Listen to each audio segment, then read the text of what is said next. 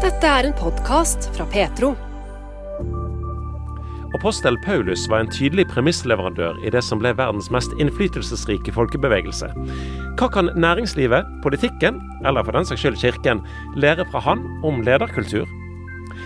I de fleste bibler finner vi kart over nettopp Paulus sine misjonsreiser ved Middelhavet. Men hvor finnes kartene over apostlene som reiste østover, til Syria, Irak og India? Litt av svaret er å finne i en ny bok fra Jostein Ørum. Og kristne forretningsfolk, fagarbeidere eller studenter som åpent tar med seg ikke bare troen, men òg yrket og fagfeltet sitt på flyttelasset, de blir tatt imot steder som er stengt for ordinær misjonsaktivitet. Det er organisasjonen Tent opptatt av. Det er altså noen av overskriftene i denne ukens oppsummering fra Petro. Mot slutten av podkasten hører du òg Sten Sørensen, som kommer med noen refleksjoner inspirert av påsken vi nyst var gjennom. Men første stikkord det er miljøvern og svært ivrige fjerdeklassinger. For hvert år arrangerer Miljøagentene, Barnas miljøvernorganisasjon, det som blir kalt Batterijakten. Fjerdeklassinger rundt om i landet er invitert til å være med, og eh, dette året så ble det ny rekord med nesten 140 000 kilo med brukte batteri som ble samla inn på landsbasis fra 13.3 til 2.4. En liten klasse som har vært eh, veldig ivrig i batterijakten dette året, er fjerde klasse ved den kristne friskolen Tryggheim Forus i Rogaland. De kom på topp i sitt fylke, forteller lærer Beate Usken Sandvik. Nei, altså Her er det jo eh, ni flinke elever som har samla inn enormt mye. Eh, og de klarte å samle inn 350 kilo eh, batterier eh, på bare ni elever. Så jeg fikk faktisk en ekstra telefon fra batterijakten og lurte på om dette virkelig kunne stemme, for de var overraska over den høye summen. Ja, det, det, det lurte jeg òg på når du sier ni elever og 350 kilo. Det er jo enorme mengder her. Ja, det er det. Det er gjennomsnittet 39 kilo per elev. Så da, det, det, er, ja.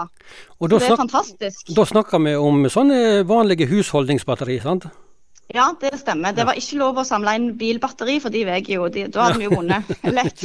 ikke sant, Men dette her er vanlig husholdningsbatteri. AAA og alle disse her. Og dere ble altså best i Rogaland fylke, der dere holder til? Ja, det gjorde vi. Du, I tillegg fikk dere noe som du kaller for toppscore. Hva, hva ligger det i det? Ja, altså Det gikk an å få maks 2000 poeng. Eh, og Da var det fordelt på litt eh, forskjellige noen ukesoppdrag som vi har levert inn. Og, eh, og så var det 1500 poeng da for å få for hvis du samla inn mer enn 15 kg i gjennomsnitt per elev. Så alle de som fikk toppscore, de ble med i trekningen om hovedpremien. Eh, og da, vi, da, vant jo ikke vi der, da, men det kunne vi jo gjort. Så eh, jeg er skikkelig imponert over fjerde klasse her, altså. Det skjønner jeg veldig godt, altså. Og nå har du med deg en elev der på SIO. Livar Horve har du med deg. Eh, Hallo. Ja, hei, Livar. Du har altså vært med på denne batterijakten i fjerde klassen på Tryggheim Forus. Fortell litt om hva du gjorde i din batteriinnsamling. Jeg gikk rundt i, på Horve og samla Ikke gikk da, men jeg kjørte Eller ikke jeg kjørte, men mor kjørte rundt. Og ja, jeg samla to store batteri, sånne batteri til en sånn stor lommelykt. Og så samla jeg to bøtter ifra bare én nabo. Aha. Og samla litt fra mamma og morfar og rundt omkring. Så du tok nabolaget der på Horve i Sandnes, der du bor, og, og, og, og gikk rundt på dørene og ba om batteri, du altså? Ja. ja. Hvordan ble du mottatt da? Var det mange som hadde batteri som de ville gi til deg? Ja, egentlig. Det kom noen og gjedde til oss òg, da. Og, Nettopp. Ja. Nettopp.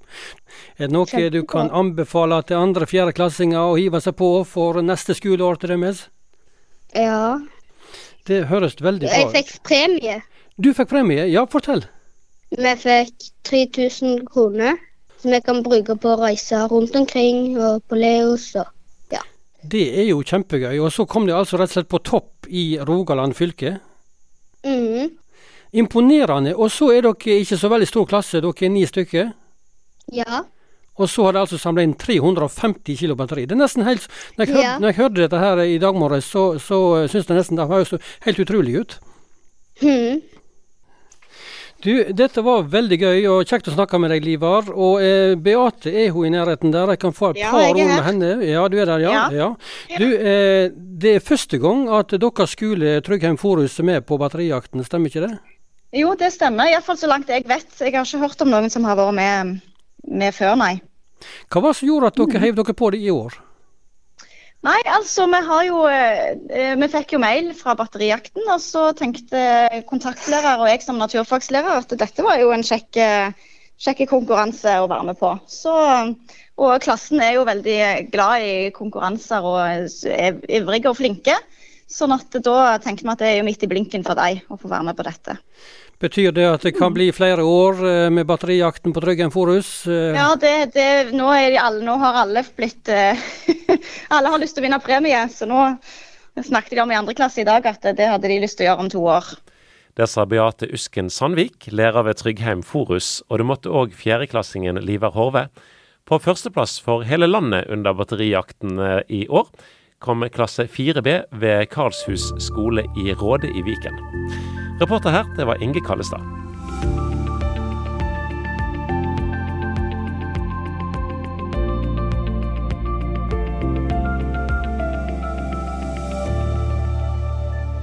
Kan Bibelen lære oss i nåtiden noe viktig om lederskap både i kirke og samfunnsliv?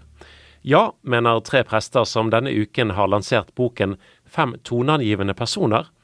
Pastor Egil Elling Ellingsen og prestene Torstein Eidem Nordahl og Vidar Mæland Bakke har henta fram disse fem personene fra apostel Paulus sitt brev til menigheten i Efesos. Vi møtte Bakke og Ellingsen, og her forteller eh, Egil Elling Ellingsen mer om de fem. I Efeserne 4 så leser vi at Paulus gir de fem navn. Apostel, profet, evangelist, lærer og hyrde.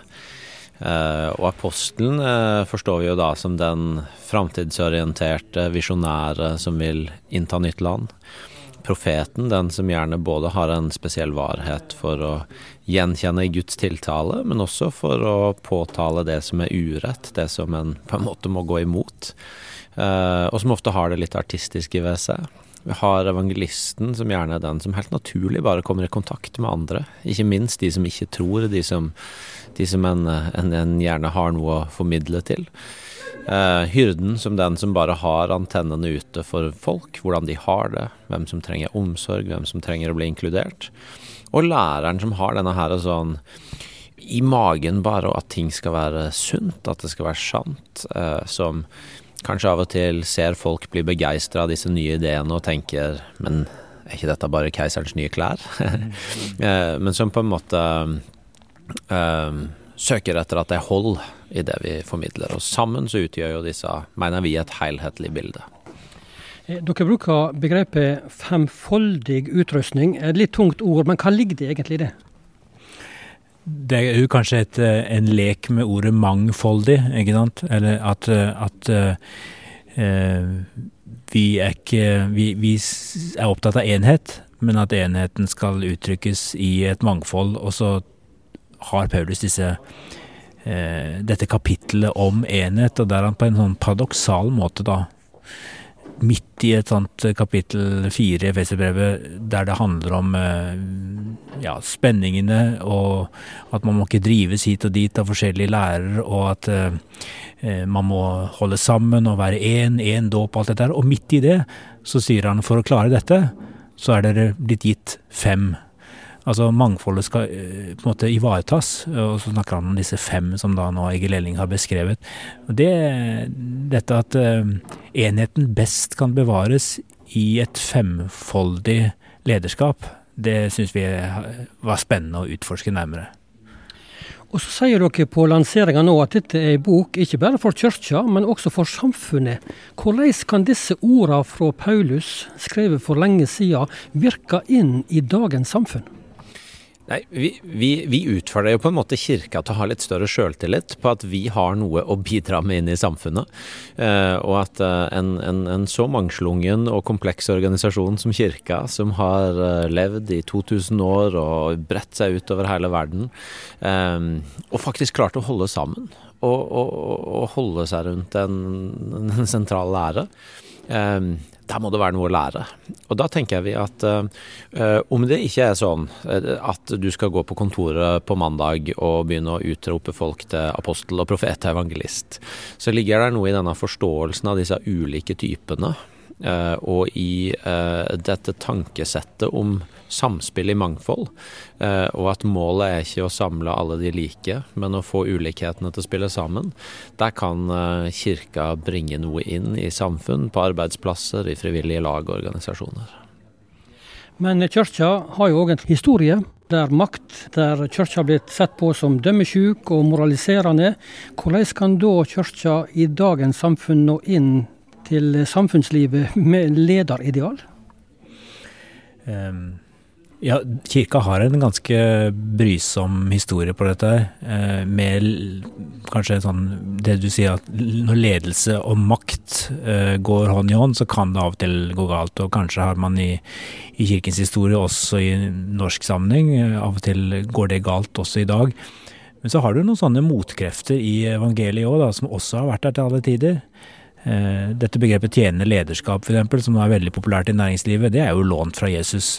Og, og vi tror også at det ligger litt i Paulus sin tanke. Han sier at eh, disse tjenestene er gitt dere for å bygge kroppen. Altså disse, disse fem er gitt dere, og og så, kaller han det for tjenester. Og da er det dette ordet diakoni, det er det å tjene hverandre. Og der ligger det egentlig eh, en Jeg tror det er en misforståelse når vi i kirkens historie har gjort dette til begreper som, som vi skal Eller som folk kan på en måte ta til seg som at jeg skal få lov til å nå er jeg profet eller nå er jeg apostel, så da kan jeg få lov til å bestemme over andre. Eh, det er snarere et, eh, et sånt system, kanskje ideelt sett, i hvert fall av checks and balances, at eh, folk er forskjellige, og vi skal underordne oss hverandre som ledere. Når vi gir alle rom i dette samspillet, så Eh, er det krevende. Det kan bli spenninger, men at vi, vi kommer lengst med å slippe forskjelligheten til, da.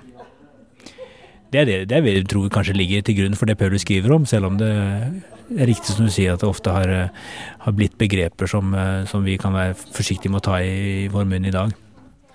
Eh, nå har dere boklansering i Imi-kirka i Stavanger. I går var dere i Oslo tidligere i veka og hadde lansering på en bar. Men hvordan Eh, ser du for deg, eh, Egil Elling Ellingsen, at dere skal nå igjennom til samfunnsliv, eh, folk som har vanlige liv, med disse tankene i denne boka? Nei, jeg tror jo at uh, det viktigste Vi som har skrevet boka, vi er jo prester, pastorer. Uh, så det viktigste vi kan gjøre, er å formidle dette uh, til de folka vi har en stemme ut til. Og, og tydeliggjøre for de et tanke om utrustning som ikke bare handler om hvordan kan du bruke gaven din til å tjene i en menighet, men hvordan kan du bruke gaven din ut imot samfunnet.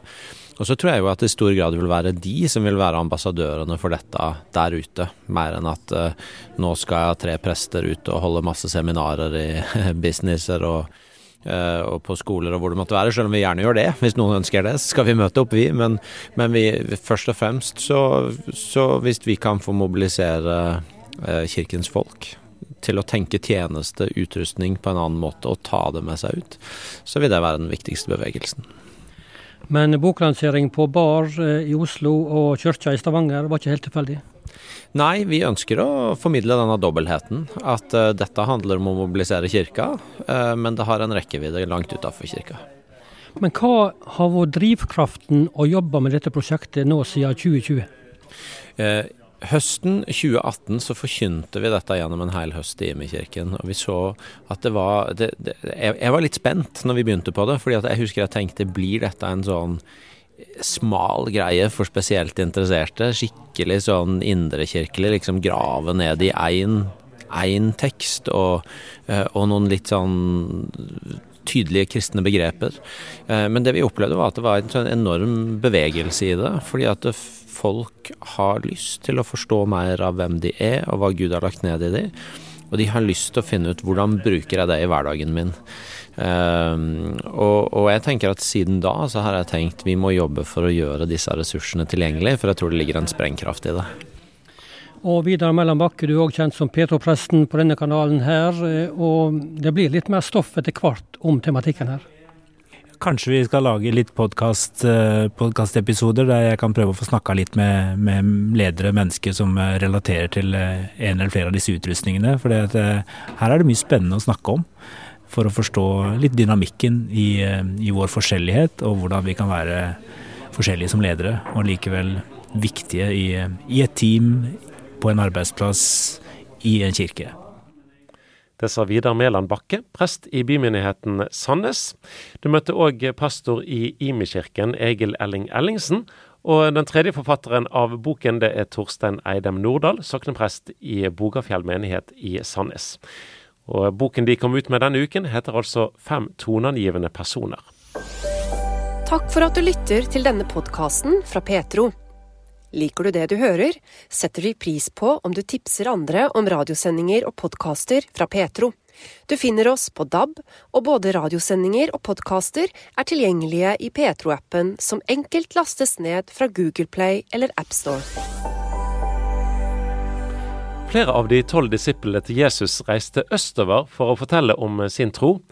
De reiste fra Jerusalem rett etter at Jesus hadde forlatt jorden, og de fleste av disiplene ble drept fordi de fortalte om sin tro på Jesus som verdens frelser. I boken 'Østover på leiting etter apostlenes arv' forteller Jostein Ørum historien til flere av disse disiplene, men òg historien om kristne i Syria, Irak og India nå 2000 år seinere. Når vi f.eks. har Bibelen vår, så ser vi på kartene bak i boka så er det Paulus første misjonsreise, Paulus andre misjonsreise, Paulus tredje misjonsreise. Det er de kartene som har hengt i klasserom i, i Norge i, i århundrer, og, og, som har blitt den historien vi har. Og, og så er det litt av historien, eh, men ikke hele historien. For den går jo bare mot Europa og, og Syden, liksom. Altså Sør-Europa og vår, innafor vår horisont. Eh, men derfor er det så interessant å, for å følge Thomas, som jeg syns og som har den rikeste tradisjonen og kanskje mest troverdige tradisjonen. For det er mest av det skriftlige og en veldig levende tradisjon fortsatt som gjør at mange kaller seg Thomas-kristne, f.eks. Hvor mange millioner mennesker i India som har et veldig sterkt forhold til Tom, nei, Thomas. Og kan på en måte fortelle en ganske levende historie og se på seg selv som bevis for at den historien er troverdig. da. Og hvordan han da kommer til India. Som, det er veldig rart, for det er veldig konkret historie. At det er liksom i november i i år 52 skal han ha kommet til India. Uh, og da er vi jo Og så har jeg vært på Mosul, ikke sant, Ninive. Uh, der skal Thomas ha passert i år 50. Det er veldig tydelig tradisjon på det. ikke sant, så, så, hvis vi ser på den reisen, og stipler opp en reiserute over Ninivesletta videre gjennom Persia og ut prøveveien, siste biten til India, så får man jo, da skjønner man plutselig så er det en parallell historie til Bibelen. Altså det er mens, altså Midt i Apostlenes gjerninger, kapittel sånn 18-19 der, mens Paulus holder på med og styrer på med sitt, ikke sant, så, så fins en annen historie hvor Thomas hvor også, uh, har sin misjonsreise. Og besøker de og de stedene og starter de og de kirkene. Så det er, det er liksom Den har gått litt under radaren for oss i Vesten, da. Men det er en utrolig spennende tradisjon. Hva er grunnen til at uh, vest kirken i Vesten ikke har vært, uh, fått med seg dette her, og vært opptatt av det? Uh, er ikke vi alle mennesker litt sånn selvopptatte? Tror at vi er verdens midtpunkt. Uh, altså særlig kanskje vi i Vesten som har måte, hatt en sånn type kulturelt og kirkelig verdensherredømme, men likevel så, det, så finnes det en annen kirke som Og så, den, så ser den veldig annerledes ut. Ehm, det er jo så ille at f.eks. Det, det hadde jo vært La oss si at det er sant da Thomas kom i um, år 52 til India. Og, og da er det jo da, Allerede da når europeerne kommer da sånn ca. 1500 og litt utover, da, så, så har det jo faktisk da vært en kirke der allerede i 1500 år. ikke? Er, men de kjenner ikke igjen. Så kommer europeerne eller portugiserne og kjenner ikke igjen den kirken som er, og ser på det som en religion fordi at den har andre melodier, den har andre farger. Gudshusene ser annerledes ut, liturgiene ser annerledes ut, språket er annerledes. Så, uh, så, så, de kjente det ikke igjen, og det ble jo så ille at da forfulgte de jo på en måte og motarbeida den kirken som hadde vært der. og innkalte disse historiske kirkene til en synode i en by som heter Diampur i år 1599, og ba de ha med alle de hellige skriftene. og De gjorde jo det, og så, så tok jo europeerne og brente de opp. ikke sant? Så Derfor har ikke vi så mye kjennskap til det. Nesten alt skriftlig materiale som fantes i 1500 første årene av den kirkens historie sørga vi for å, å, å, brenne opp. Da. Så det, det kom jo der prata med kristne India, blir nysgjerrig på historien og spør ja, men hvordan kan jeg lese det, hvor kan jeg, hvor kan jeg finne den historien som du forteller meg her? Og så ser de bare oppgitt på meg, og så ja, men dere brente det jo. Så, og de sier at uh, en av de jeg, sa, er, en av de jeg møtte, påpekte det at dere er så opptatt av den skriftlige historien. Vi er opptatt av den muntlige historien også. Og den levende historien. Vi er, vi er historien. Vi er her fortsatt etter, etter, alle disse årene, og vi er et levende bevis på at denne tradisjonen er sann. Da. Det er selvforståelsen til Thomas kristne i India. I Norge kjenner vi kanskje best disippel Thomas som han som tvilte, og som møtte fysisk tap av Jesus sine sår etter korsfestelsen for å tro at han faktisk har stått opp igjen. For kristne i India så er Thomas han som brakte kristendommen til landet allerede i år 54. Jostein Ørum sier at hans syn på Thomas fikk en større dimensjon da han møtte kristne i India. Ja, ikke sant. Det er, for det er som du sier, Thomas har hørt mye om og er jo en kjær eh, figur som vi kan kjenne oss igjen i og identifisere oss med i min, de sammenhengene jeg har vært i i Norge og Vesten også. Men, men, det er liksom stort sett det da, man har. Men i India så er det mye mer. og eh, Først og fremst så var det veldig sånn fint og rart, begge deler samtidig, å se altså hvor viktig Thomas er. Thomas er jo den store superstjerna på en måte i østlig kristendom, akkurat som, som, Peter kanskje i mange sammenhenger har vært i vest. Peter og jomfru Maria har hatt i Vesten og hatt en sånn posisjon som rager litt over de andre. Så har Thomas tilsvarende altså kanskje, sa kanskje ikke over Peter, men liksom, det er det de to som rager mange hoder høyere enn resten av disippelflokken. For, for jeg hadde til og med en som sa til meg, det var litt sånn rart, men jeg synes det var veldig morsomt sagt, som tankevekkende. Han sa at hvis han hadde sett et bilde, et fotografi av de tolv apostlene, sånn gruppebilde av de tolv apostlene, så hadde han vært helt sikker på at han kunne peke ut hvem av dem som var Thomas, sa han. Eh, så, eh, eller det, tyder på en veldig sterk identifikasjon, da. Så også kirken i India er opptatt av eh, Thomas som på en måte ikke Han måtte se og ha litt håndfaste bevis og, og tvilte. Og, så, så, det er også en historie som, som spiller noen rolle. Men eh, jeg tror også den historien om eh, at Thomas er den som kjenner på Jesus sår.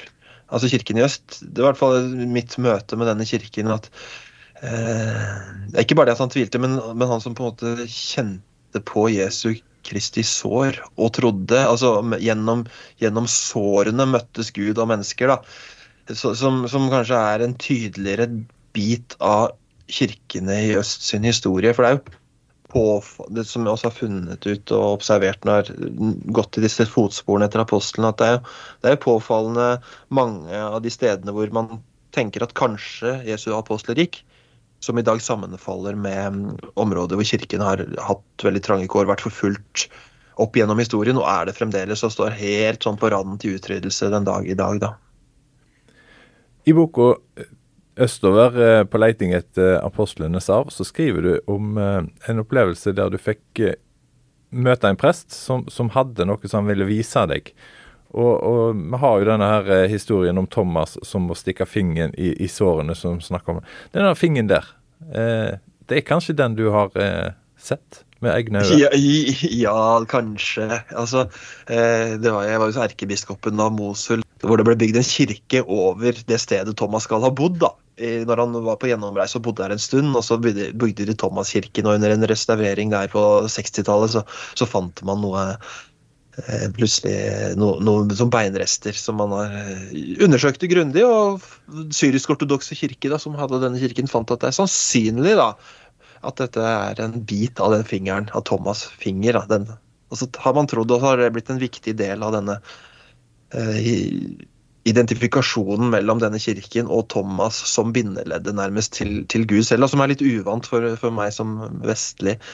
Så var jeg på besøk hos erkebiskopen i Mosul. Han bodde i eksil på den tiden jeg besøkte han, og så eh, fikk vi en sånn god dialog. og så gikk han, jeg skal bare vente litt sånn, og så, så kom han tilbake noen minutter seinere med, med et skrin som jeg ikke visste Han skjønte at her var det noe viktig, her var det noe han skulle vise meg, men han, det var dypt alvor over ansiktet hans. og Så tok jeg lokk, og så tok jeg noe bomullslag, og så så jeg at det var noe sånn innskrumpa, tørre, brune greier. Og så skjønte jeg at dette er jo bein, beinrest. Og så Ja, OK, dette er, dette er fingerbeinet etter Thomas, da, som, som, som er den syrisk-ortodokse kirkes største skatt. Og det er jo veldig uvant for oss som ikke ja, er så fortrolig med sånne hellige ting, altså gjenstander og, og så, så mange andre kirker ser på som et sånt bindeledd til Gud. og det eh, så det har liksom vært en sånn stolthet og skatten til den syrisk-ortodokse kirke. Og så tenkte jeg at når han eh, sto der og viste meg denne, og tårene til erkebiskop Nikodemus av Mosul han rant, og så, så sto jeg med mine eh, og prøvde å liksom hva er det jeg opplever nå. Så tenkte jeg at hvis dette er sant, da, hvis man vitenskapelig kan bevise at dette er fingeren til Thomas, så er jo det den fingeren som tok på Jesus' sår. Og så, så, gjorde at Thomas da, som den første kunne si at 'min Herre og min Gud'. Så da er, det jo helt fantastisk. Og så tenkte jeg, men hvis det ikke er sant, da? Hvis dette vitenskapelig kan motbevises å være Thomas, så, tenkte, så, så, så slo det meg da, etter å ha møtt alle disse menneskene på veien østover, så er den historien faktisk like viktig. For uansett om det vitenskapelig kan motbevises, så har liksom bindeleddet til Thomas og kanskje denne fingeren så, Da har det gitt trøst og håp og oppmuntring til denne kirken da, i, i 1950 år og pekt på Jesus Kristus. Uh, uavhengig av hva vi vestlige, fornuftige godt utdanna, rasjonelle mennesker sier, så, den, så, er det fortsatt en finger som peker på, på Jesus og peker på Jesu Kristi sår i, i verden for hans kirke. Da. Så det var en fin og rar opplevelse. Virker det inn på trua di å, få en sånn konkret ting som å se kanskje fingeren til, til apostelen Thomas? Jeg vet ikke. altså hva Det gjør med, det gjør noe med, det gjør, noe med, det gjør i hvert fall noe med gudsbildet mitt og det synet på kirke kirka, tenker jeg, det der reisen i øst, at kirka er større enn det jeg har trodd, og den er mye mer mangfoldig enn jeg har trodd. Det er mange flere uttrykksformer enn det jeg har eh, tenkt på før, da. Og, og ja, og så er det om, om, det Så det er jo fint. altså Det, det er dypt alvor. Altså det å se hvor på min tro så står jo ikke og faller med om dette er, eh, kan bevises. og Jeg har vært i andre kirker som hevder å ha biter av Thomas. og av kroppen hans. og den, den, skal være biter av den mange steder. og Noe av det er kanskje troverdig, og, og, men det er ikke på en måte viktig avgjørende for min tro, annet enn at jeg kjenner et fellesskap med de som tror det. Eh, og, og deres tro kan berike min, og jeg tar det veldig på alvor, det de tenker, og det de, måten de forholder seg til disse, eh, disse tingene på. og, og det, men det da interessante, da, det er jo at når jeg har møtt kirken der, så, så opplever jeg at uh, det er en, fortsatt en levende tro. da. Det er ikke en tro med ytre ting som, som baserer seg på gjenstander og beinbiter og sånn, men det er, det er det blir bare sånne markører, da, litt sånn skilt som peker på Jesus. Alt det som vi kan avfeie som ytre tro. da, Så, så, sånn sett så er det veldig fint å møte alle disse skiltene som peker på Jesus rundt omkring i verden. Kristendommen kom til Irak bare noen år etter at Jesus døde og sto opp igjen, og siden har kristendommen preget både land og kultur i 2000 år. Rundt tusenårsskiftet så var det 1,6 millioner kristne i Irak. Men mange har flyktet pga. krig og forfølgelse, og en regner nå med at det er kun 150 000-250 000 kristne igjen i landet. Jostein Ørum sier at kirkene i flere land i Midtøsten blør. Hvis vi begynner der med å, å bli oppmerksom på det, at det finnes en kirke i øst som blør, eh, og fortelle historiene eh, Det finnes jo stemmer som vil fortelle disse historiene, sånn at vi skal vite om det, og verden ikke skal glemme det. Eh, jeg, med å skrive en bok om dette, så, så har jeg tenkt at det kan være noe av mitt lille bidrag da, til å fortelle at kirken lever fortsatt. Og vi er søsken, det er samme greia, det bare ser litt ulikt ut. Vi, av tilfeldige grunner så bor vi på ulike steder i verden. Og, og, så det er jo det ene, bare å vite om det, fortelle historien. Og så er det jo andre å kjempe ta til orde for det når, når, det passer. Det er ikke alle oss som er politikere og sitter i, rundt forhandlingsbord på, på høyt nivå. men Men vi kan protestere. vi kan altså, Det er mange gode organisasjoner som peker på disse her. Stefanusalliansen er en av de som har en appelltjeneste hvor man måte, på veldig enkel måte kan gi sin underskrift til opprop som, som peker på urettferdighet mot eh, altså religiøs undertrykkelse på steder i verden. Man kan, kan, man, kan, man kan, be for dem. Vi tror på bønn. Man kan gi noen penger som genereres til folk som skal bygge opp ruiner etter at IS har vært der, og bygge nye kirkebygg, eh, kanskje, og utdanne noen prester i disse områdene. Det, er, det, det, virker så smått, men eh, det dummeste vi kan gjøre, det er å bare gi opp. Altså, så, så er, vi, vi, kan eh, fortelle hverandre om det her. Hold, hold, hold dette varmt. Men mange har jo måttet flykte fra, Midtøsten pga. krigen både i Syria og i, IS i Irak. De har flykta til Norge, til Skandinavia. Hvordan kan vi møte de, For de har jo en annen trosuttrykk enn eh, mm. kirkene i, i, Skandinavia og i Norge. Mm, for det, det, er bare at Til alle tider har jo folk måttet flykte pga. forfølgelse og utrygghet. Og i vår tid så er det kanskje da IS og sånne ting som har uh, trigga det. Og, og noen, av, noen, av, disse kristne har kommet til Norge. Veldig mange har kommet til Sverige og, og uh, Tyskland, Australia, Canada USA. Særlig de landene. Men noen få finnes også i Norge. Men, uh, men, uansett, når vi møter folk som har kommet til oss, og så har de, har de en tro, og så ser den veldig ulikt ut, og så og så kan vi bare tenke at det er ikke vi nødvendigvis som har den riktige måten å være kristen på. Det er ikke vi nødvendigvis som har de riktige autoriserte lovsangene som, som Gud liker best. Eller den uh, møteformen som er um, funker best i himmelen. det er så mange, Kirken er rik og stor. Og hvis vi kan øve oss på å åpne hjertene våre og se at uh, er det noe du har som kan gjøre mitt bilde av Gud større? Og min tro rikere og dypere, så vil jeg gjerne ha det. Kan du ta meg inn i det? Altså, hvis vi kan øve oss på en sånn holdning, så, så tror jeg vi gjør oss selv og alle mennesker en stor tjeneste. da. Nå er du forfatter. Du har òg jobba som prest både i Norske kirke og, og nå i eh, Randesund frikirke. Din menighet, vil de merke at du har vært på ei eh, reise til, til andre eh, trosuttrykk? Jeg vet ikke. Jeg, jeg håper eh, det. Det har jo vært flere reiser, og det har vært viktig for min tro i mange år å, å finne kilder å drikke av som på en måte er litt utenfor det, den opprinnelige horisonten min. Da. For jeg merka at det har vært så berikende. Så, så, det er nok ikke så mye at jeg snakker om dette på, i søndagsprekener og sånn, eh, men jeg, jeg, håper at det kan prege min måte å, å se på eh, andre, andres måter å tro på og tro på og følge Jesus på. At det ser litt ulikt ut. Jeg håper at jeg kan, at jeg kan være med å formidle noe av det. At vi er den samme søskenflokken, og, og, vi har eh, mer å lære andre enn vi har å lære bort til andre, kanskje. Og hvis, hvis det kan være en holdning som, som, jeg har fått bidra litt til å spre, så er jeg veldig, veldig glad for å ha vært med på det.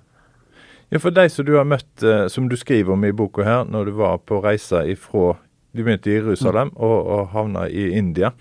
Mm. På veien der så møtte du mange eh, ja. kristne som, som ja. opplevde at de ble i mindretall, eh, og, og kirken var sånn hvor, hvor, Blir det noe av dette her nå, eller dør vi ut mm. som, eh, mm. som trus... Eh, eh, hvordan kan en eh, Altså, Boka har du skrevet, skjønner jeg, for, for å mm. gjøre oss som leser den, oppmerksom på dette her. Men, men hvorfor er det så viktig at vi blir oppmerksom på det?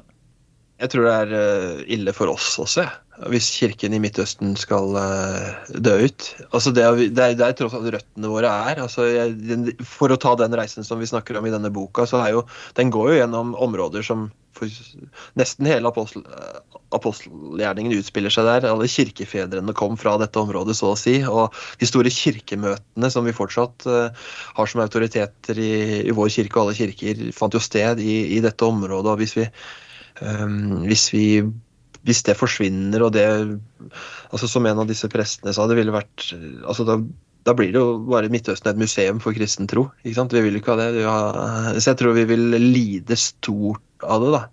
Uh, hvis røttene våre blir hugd av. Eh, så, så, vi bør absolutt ha en egen interesse at det skal finnes en kirke der òg. Så, så da, da, blir også kirken i verden mindre. Den blir fattigere. Eh, og det er, det er mine søsken, det er våre søsken. Og eh, vi, vi, vi må ha dem der fortsatt. Altså det, er jo, det, er jo, helt dramatiske tall, og de sier jo selv Jeg sto jo med en av munkene i, i det ene klosteret i Irak og så utover Nineveh-sletta. Han fortalte om liksom, det som har skjedd da IS kom. Han fortalte, hans spådom var at om fem år er det ingen kristne igjen i dette landet. Det er jo veldig alvorlig i et land som har hatt millioner av kristne og helt, et ubrutt kristent nærvær i Midtøsten eh, fra år 50. Det er i ferd med å gå mot slutten, kan det se ut som. Det, det, er veldig alvorlig for uh, for verden, tenker jeg, og for kirken. Disippel Thomas reiste altså østover og kom til India. Han blir ifølge tradisjonen til slutt drept for troen sin. Og Jostein Ørum sier at Thomas kanskje er den disippel som allerede tidlig skjønner at det kan koste han livet å følge Jesus. Ja, og Apropos Thomas, da, siden du nevner han. for vi ikke har egentlig, Det er ikke mange historier om han. Det er denne med tvilen og eh, det der, etter oppstandelsen. Og så er det, stiller han et Jesus et spørsmål som får Jesus til å si at 'jeg er oppstandelsen, veien, sannheten og livet'.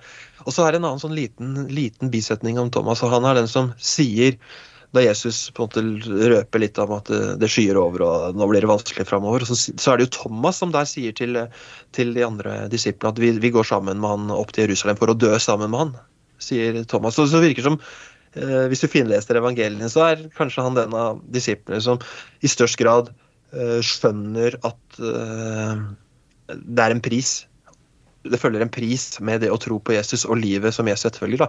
Så, og det har jo vært en, sånn, vært en rød tråd. Altså en blodrød tråd i historien om kirken i øst hele veien. Eh, så det er ikke noe nytt nå. Jeg snakka med et menneske der i Irak som, som prøvde Med den der vestlige 'stakkars dere'-holdningen. Det må være veldig vanskelig dere, for dere nå den siste tida.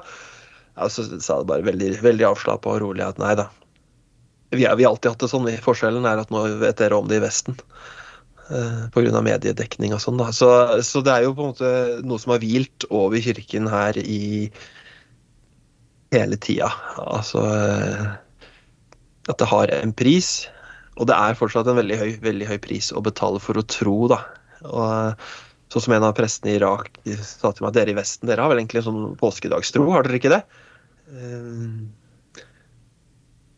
Men så sa han vi er den lidelsestro. Det er lidelsesgud som vi tror på. Så det er han vi kan kjenne oss igjen i. Alle her kjenner lidelse og opplever det. Så, så det er eh, en rød tråd i ordets rødeste betydning som har fulgt kirken. Og den arven til Thomas, som vi har snakka litt om nå. Det sa Jostein Ørum.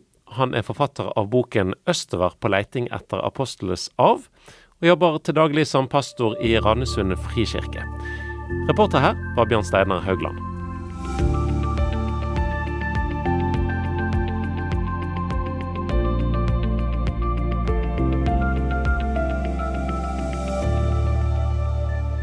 Så skal vi til organisasjonen TENT, som er et ressurssenter for fagpersonell, forretningsfolk og studenter som ikke er lønnet som misjonærer, men som likevel har troen med seg der de jobber eller studerer. Steinar Oppheim er leder for Tent sitt arbeid i Norge, og reiser dessuten internasjonalt for å holde kurs om det å være kristen på arbeidsplassen, eller reise som kristen fagarbeider til andre land. Og denne uken så har han holdt kurs i Nigeria. Ja, jeg er i, Nigeria, i Benin City i Nigeria nå. Vi starter et, eh, det som vi kaller et Go Equipped-kurs. Det er hovedkurset vårt. Og vi har også hatt seminarer om, om det å ta med seg tro på arbeidsplassen eh, i Abuja, som er hovedstaden i Nigeria. Det hadde vi fredag og lørdag i forrige uke. Så, så nå eh, holder vi kurs eh, på fire kontinenter hvert eneste år. Og det er kjempespennende å møte folk fra andre kulturelle bakgrunner og få lov til å bidra inn i deres sammenhenger. Og i, i denne uken, altså, i Nigeria. Forrige uke var du i Liberia? Ja, uken før påske, så to uker siden var vi i Liberia. Hadde et flott kurs der i det er litt rart eh, liksom, hvilke, hvilke, dører Gud åpner. Vi hadde kurs i eh, selve senatet i Liberia. Eh, det var en fra senatet i HR-avdelingen der som kom på kurs for ett år siden i Liberia. Og så åpnet hun rett og slett dørene og, og mobiliserte kristne som jobber i senatet i Liberia til å komme og ta dette kurset. Kjempespennende å få møte folk som, som sitter i viktige posisjoner i i det liberianske samfunnet og, og, og, få samtaler om dette med å tjene Gud eh, gjennom det arbeidet som de står i. Så det var kjempespennende kurs. Vi hadde fullt hus, 57 deltakere. og og veldig, veldig god respons, rett og slett. Altså, god refleksjon jeg opplevde vi fra, fra de, som, eh, som de som var deltakere på det kurset. Vi nevnte det jo bitte litt innledningsvis, men hvis du skal på en måte presentere hovedideen, hovedtanken bak Tent, hva handler dette om? Ja, det enkleste forklaringen egentlig er at en tar med seg troen inn i hverdagslivet eh, der en er, og lever som en kristen tjener Gud gjennom sitt arbeid. og Hvordan ta med troen på arbeidsplassen. Vi har, det er Mange som tror at det betyr sikkert bare at en må fortelle om Jesus i, i lunsjpausen, men eh, det er langt mer, liksom, mye bredere enn når folk ser eh, troen vår og hva den skaper i våre liv, da, så kan i hvert fall noen av de vi jobber med. Sant? De kan åpne døren og si at de, de, ønsker noe av det samme som vi har. At de ser det gode som troen betyr i våre liv. Så den andre går på dette med å også nå ut til uh, de unådde folkeslagene med evangeliet. og der, der opplever vi at uh, kristent fagpersonell og kristne forretningsfolk de har fri tilgang til uh, land som, som, er stengt for tradisjonell kristen misjonsvirksomhet. Og Det betyr ikke at vi sniker oss inn gjennom bakdøren i disse landene. Vi er veldig sånn opptatt av uh, gjennomsiktighet. Så vi sier til folk når de søker seg jobb, uh, uavhengig av hvilket land det er i, at uh, det er fint om de får med i CV-en sin eller i søknaden at de er kristne. og Vår erfaring så langt etter alle disse årene er at, at det faktisk er et positivt ønske om å rekruttere kristent fagpersonell, selv i land som som eh, skaper vansker, eller til og med forfølger kristne. Da. Så, så det, det, høres jo nesten ut som et mirakel. Det er mange årsaker til at det er sånn, men, men eh, det betyr, eh, i praksis betyr det at en har tilgang til til stort sett alle nasjoner som kristen fagpersonell eller, eller, forretningsfolk. Og Det står på hjemmesiden til, til Tent at drømmen er at det skal være minst en kristen kollega på alle arbeidsplasser verden rundt? Ja, en kristen kollega på alle arbeidsplasser verden rundt. Det, det er drømmen vår. Sant? Og At vi kommer med Guds ord i, i en levende skikkelse, på en måte. Sant? Og så får vi være og leve sammen med folk og, og dele. Og det er noe med at, eh, at, at nettopp i dette møtet mellom mennesker, der, der får vi utveksle erfaringer, livserfaringer og tro. Og ingenting kan erstatte dette møtet mellom mennesker. og og nettopp på arbeidsplasser så møter eh, de som kjenner Jesus, møter også de som ikke kjenner han eh, enda på en veldig naturlig måte. Sant? Og En kan få lov til å leve der med sin tro og, og få, eh, og, og få, vise hva, hva, det betyr å følge Jesus. Så da, da, sa vi at eh, kan du være den kristne kollegaen? Liksom? Det er utfordringen. Kan du være den kristne kollegaen på din arbeidsplass? Og er det mange kristne kollegaer allerede på arbeidsplassen din? Kanskje skal du vurdere og søke deg jobb eh, et annet sted der det er færre kristne. Så, sånn at du kan vise også der eh, til nye mennesker hvem, hva det vil si å følge Jesus. da. Og Så du var litt inne på tidligere, så eh, handler jo ikke dette her bare om å snakke med, med kolleger om Jesus i, i lunsjpausen, men, men, det handler jo òg om selve jobben en gjør, og gjøre det på en, skal si, med en hensikt og på en god måte? Ja, og det, og det ser vi at det er noe som virkelig frigjør folk. Altså vi vi, vi, under, vi, underviser om det med å tjene, altså, altså, selve arbeidet i seg selv er noe Gud har kalt oss til. Og, og, Vi ser hvordan det skaper noe godt i de menneskene som kommer på kurs. fordi at eh, Rundt omkring i verden så det, så det blitt en sånn forståelse eh, for at uh, hvis du skal være i fulltidstjeneste for Jesus, så må du jobbe i en kristen organisasjon eller i, i, i en menighet. Mens vi med stor frimodighet kan si til alle at de er i fulltidstjeneste for Jesus der de er. Eh, og, og, så kan de få ta til seg den identiteten. Og vi ser at eh, for mange blir det faktisk et veldig veldig frigjørende budskap. fordi at det, de har liksom hatt en sånn følelse av at skulle de tjene Jesus fullt og helt, så skulle de egentlig gjort noe annet enn det de gjør. Og så får de plutselig høre at nei, det er nettopp som ingeniør eller som lærer eller som sykepleier eller lege. Uh, med disse egenskapene Gud har skapt deg, og der, der kan de fortjene Han eh, virkelig en fulltidstjeneste akkurat der de er. Så det er flott å se liksom, lyset komme på i mange menneskers øyne, at dette, dette er noe som de virkelig opplever setter de fri da, til å tjene på en ny måte. Det sa altså Steinar Oppheim i organisasjonen Tent. Og kurset som han har holdt i Nigeria denne uken, blir òg arrangert i Norge snart. Nærmere bestemt i Bergen 28.4 til 2. mai. Mer informasjon om det finner du på tent.no. Du lytter til en podkast fra Petro. Vi ønsker å formidle tro, rotfestet, redelig, reflektert og relevant, slik at du blir inspirert til etterfølgelse av Jesus. I tillegg til podkaster og webradio kan du høre Petro på DAB 24-7 mange steder i landet. Som alltid så skal vi òg avrunde denne ukens Petro-uken oppsummert med noen refleksjoner, og i dag har vi med oss pastor Sten Sørensen. Han har eh, lest bibeltekstene som brukes i Den norske kirkes gudstjenester denne helgen, og dessuten så er han inspirert litt av livet til den svenske kunstneren August Strindberg. Den største kunstneren som levde i Sverige, og han døde i 1912. Det er noen som nesten har geniforklart August Strindberg. Så dyktig var han. Han var dyktig innenfor det å være forfatter. Han drev og malte, han var dramatiker. Altså, han hadde så mange talenter. Han var en veldig dyktig, dyktig kunstner. Men han var jo veldig spesiell. Han talte det vil si Roma midt imot. Han, eh, han var imot de svenske myndighetene, han var imot kongehuset, han var imot øvrigheten. Og det er klart at han fikk et veldig tøft liv, men alle måtte erkjenne for en kunstner han er. Men som sagt, et turbulent liv. Han hadde bak seg tre ekteskap, og han hadde barn i alle ekteskapene. Men da han skulle avslutte livet, skjønt han var ikke gammel, bare 63 år gammel, så flyttet han ifra utlandet hjem til sin søster. Og så bodde han sammen med sin søster den siste tiden, og da er det tydelig, dette som han fikk som en barnetro, og hvor mammaen sa før hun døde, dere må velge troens vei, nå sluttet sirkelen rundt, og så kom han hjem, så bodde han hos sin søster og vet han skal snart ut av tiden. Og da får han et møte med Gud, og det var et møte som satte spor, for uh, han planla jo sin egen begravelse, og da sier han til sin søster at det på uh, min gravstein, sa han, skal bli formet som et kors, og det skal være formet denne teksten på gravsteinen som er formet som et kors. Hør hva som står der, og som han ønsket skulle være det siste budskapet efter et sånt liv som han hadde. Vær hilset, kors, mitt eneste håp. Kan du tenke deg så dypt, så gripende, så vakkert?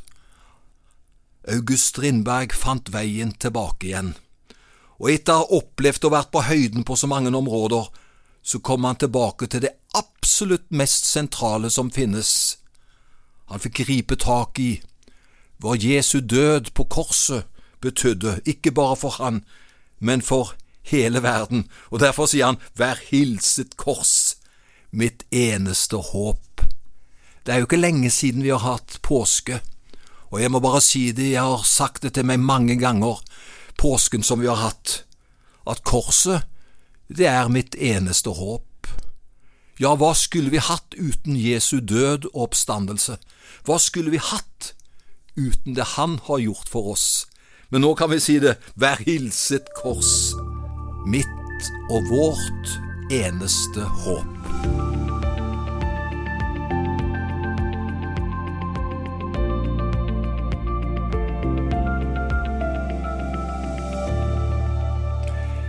Johannes evangelium slutter egentlig med kapittel 20. Bare slå opp og se. Det er en naturlig avslutning på Johannes evangelium eh, ved det siste som står i kapittel 20. Men så blir Johannes så inspirert at han tenker på jeg må ha med et kapittel til. Og det er altså kapittel 21. Og det kapittelet det står på egne bein. Det som Johannes er opptatt av i kapittel 21 i Johannes evangelium, det å fortelle dette med Jesu oppstandelse, det kan vi virkelig tro på. Fordi på Jesu tid så var det de mennesker som trodde at uh, disiplene hadde bare sett syner når de så at han hadde oppstått.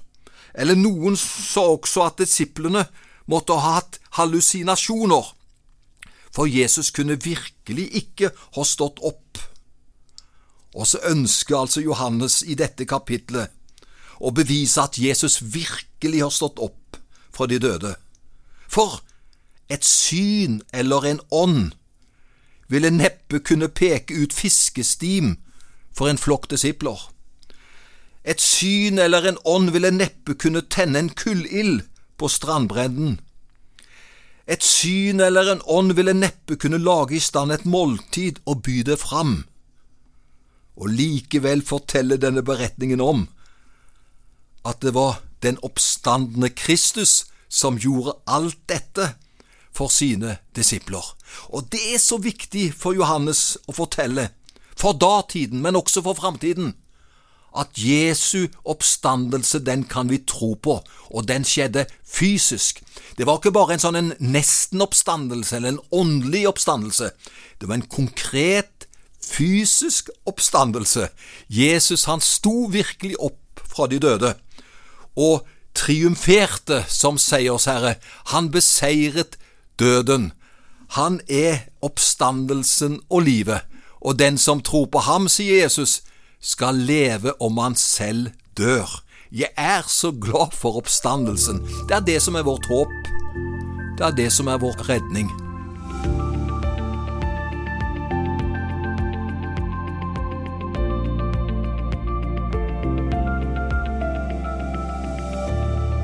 Jeg syns det er veldig fint å kikke litt på Johannes evangelium kapittel 21, fordi eh, det er liksom et sånt tillegg til Johannes evangelium, for evangeliet kunne like godt sluttet etter kapittel 20. Men så er det som om Johannes vil ha med kapittel 21 også, for det er et kapittel som så demonstrerer virkeligheten av at Jesus har stått opp fra de døde, og dette kan vi tro på. Du vet, han er der og serverer disiplene frokost. Når de kommer inn til stranden, som vi kan lese om i de første versene i Johannes, kapittel 21.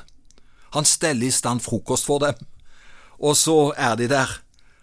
Og så teller de efter. Det hadde vært en fantastisk fangst, for de gikk ut på Jesu ord og kastet garnet ut igjen. Og så fikk de så mye fisk som det var mulig å få, men garnet revnet ikke. Det oppgis at de fikk 153 fisker. Hva er poenget bak et slikt tall? Jo, det påstås at det var 153 forskjellige fiskearter i Genesaretsjøen. I fangsten var det én fisk av alle fiskeslag. Jeg tror at dette tallet symboliserer at en dag skal mennesker fra alle nasjoner bli samlet i Jesus Kristus. Ingen skal være utelatt. Det gjelder for alle, og alle skal være samlet den dagen når eh, Jesus kommer for å hente sine. Det skal være mennesker av alle tunger, alle slekter, alle nasjonaliteter skal samles, og det står, tror jeg, de 153 fiskene som et symbol på. Alle slag skal være der, frelsen er for alle. Og så er det ett poeng til jeg vil nevne. Det står at fiskefangstene ble fanget i ett garn, og garnet holdt på alle fiskene og gikk ikke i stykker. Garnet tror jeg symboliserer menigheten, og det er plass for mennesker av alle nasjoner. I menigheten, i kirken, på bedehuset skal ingen diskrimineres for sin hudfarge eller sin sosiale rang. Menigheten skal være et hjem, det skal være en favn som skal vise Guds kjærlighet til alle mennesker. Jesus har stått opp. Det gjør at vi kan forkynne dette. At eh, det er plass til alle. Og der er Guds kjærlighet som løfter oss alle opp. Gled deg over hva Jesus har gjort. Det han har gjort, det holder i liv og i død. Og med disse ordene så ønsker jeg deg ei kjempefin helg. Gud velsigne deg.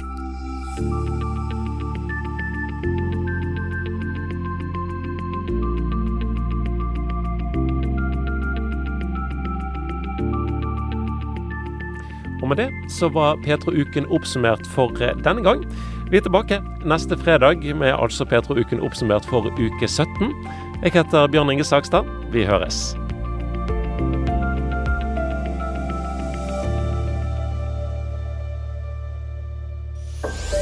Du har lyttet til en podkast fra Petro.